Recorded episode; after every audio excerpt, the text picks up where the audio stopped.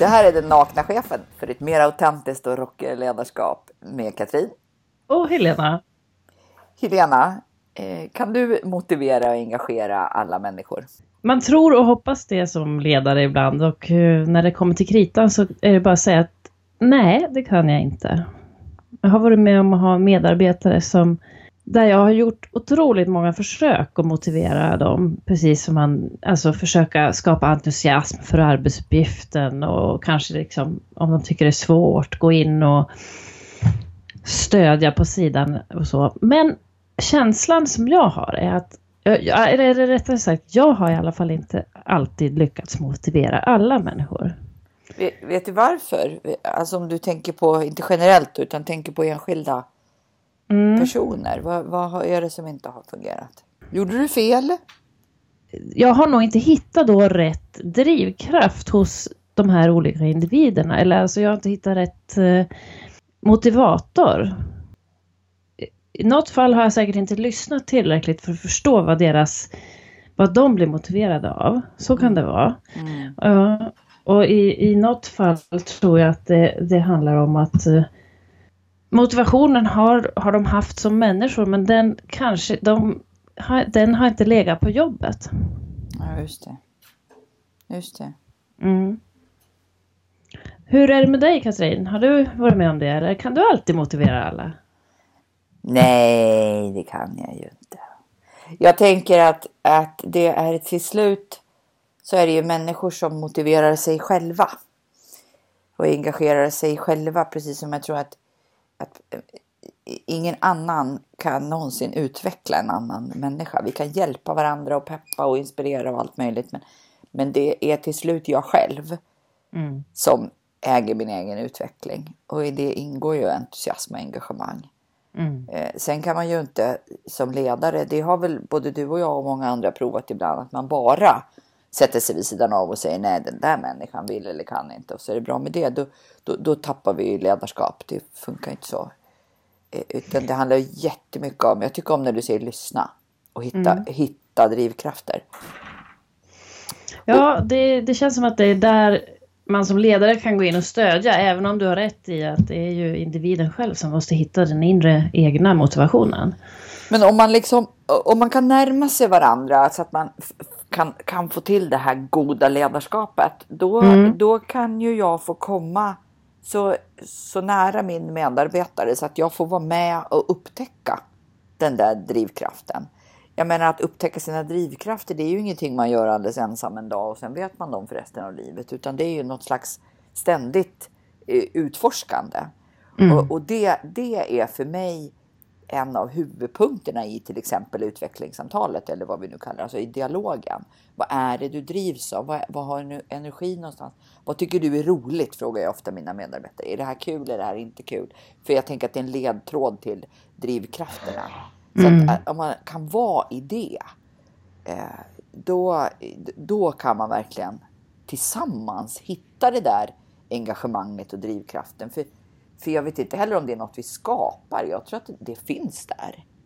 Jag tror att vi som människor bär omkring på både engagemang och det. Alltså vi vill vara med, vi vill delta, vi vill bidra till någonting. Ja, det är jag helt övertygad om också. Och det som det handlar om är att hitta vad är det på det här som, som är i det här, den här arbetsuppgiften, det här uppdraget som gör att just du blir motiverad. Jag var med om en gång, tyckte jag var rätt spännande, en person som jätteduktig var personen och hon var så splittrad för hon hade drivkraft, så många drivkrafter och var intresserad av så mycket så hon blev alldeles splittrad. Mm. Så man ser det ur det andra perspektivet, det finns människor som har så många engagemang och är så entusiastiska inför många saker och det är ganska svårt också på samma sätt som att hitta de som har, man upplever, för, för det, det är ju en upplevd sak från, från dig som ledare. Man upplever att någon inte är engagerad. Det behöver inte heller stämma. Det tycker jag också är spännande. Och ibland så upplever man att någon är jätteengagerad men har kanske engagemanget bara delvis i det man gör på jobbet och är ganska splittrad för det finns väldigt mycket engagemang även runt om. Det tycker jag är lite svårt att hantera. Vet du vad, förstår du vad jag menar med ja. det? Ja, och det kan ju vara både åt båda håll så att säga. Ja, alltså, precis. Det, det, finns ett liv som är större än arbetslivet. Och det, det där är Mm. ju, det, det där är ju ett jobb man får göra som, som chef tycker jag hela tiden. Därför att särskilt i, perioder och faser när jag själv är, är väldigt engagerad i mitt jobb. Och det har jag ju varit ofta. Det betyder ju inte att alla andra tycker att det är det viktigaste i livet och att ingenting annat finns som konkurrerar Nej. med det. Och, och det kan dessutom skapa stress hos människor. Så man, Mm. det, här, det, det kan bli för mycket av engagemanget också. Eh, och, och, och sen när, när det, det har jag varit med om flera, flera gånger och varenda gång så nyper jag mig i armen. Eh, alltså hos en medarbetare där, där kanske det här arbetet har funnits som jag pratade om. Alltså man har någon slags pågående dialog och det funkar. Och sen så försvinner eller dalar ner och, och, och då går ju mina alerts igång. Oj, oj, oj, vad är det nu? Nu måste jag ändra på något i arbetsuppgifterna. Har jag sagt något dumt? Och börjar liksom ofta med fokus på mig själv. Även om jag nog har tränat bort det med åren, men det finns fortfarande där. Och så håller jag på och håller på och håller på och försöker förstå och prata och lyssna av den här medarbetaren. Och sen så visar det sig att det är en människa som går igenom en skilsmässa. Eller kanske mamma har blivit dålig. Eller ja, det är någonting som händer på det privata planet. Och, och då kan jag efteråt känna så här, men herregud, jag kunde ju ha frågat eller lyssnat om det. Och inte bara vara i, inom jobbet så att säga, utan se lite större. Jag tror att jag har blivit duktigare på det med åren.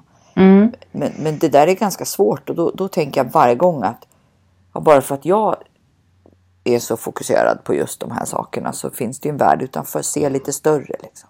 Förstår du vad jag menar? Ja, jag förstår precis. För att eh, man är inte alltid på samma plats och, och det gäller ju då att försöka ta den större bilden och, och se att ja, men just det går ju faktiskt också upp och ner ens eget engagemang ibland. För att livet är större än arbetet. Och ibland finns det saker som kräver ens uppmärksamhet lite mer på sid- utanför arbetet och då, då klarar man inte av att hålla riktigt fullt fokus på båda ordentligt. Och det, så är det ju också med, med alla våra kollegor. Mm. Det har känts så att vissa alltid är mer eller mindre likgiltiga. Ja. Och det behöver inte vara sant. Det jag har lärt mig också med åren är ju att en del uttrycker inte entusiasm likadant som andra. Så det gäller verkligen att vara observant på sig själv. Bara för att kanske jag är en ganska expressiv person och det är lätt att se på mig om jag går in i någonting till 100% och uttrycker det. Så behöver inte det betyda att det är det enda sättet att uttrycka entusiasm.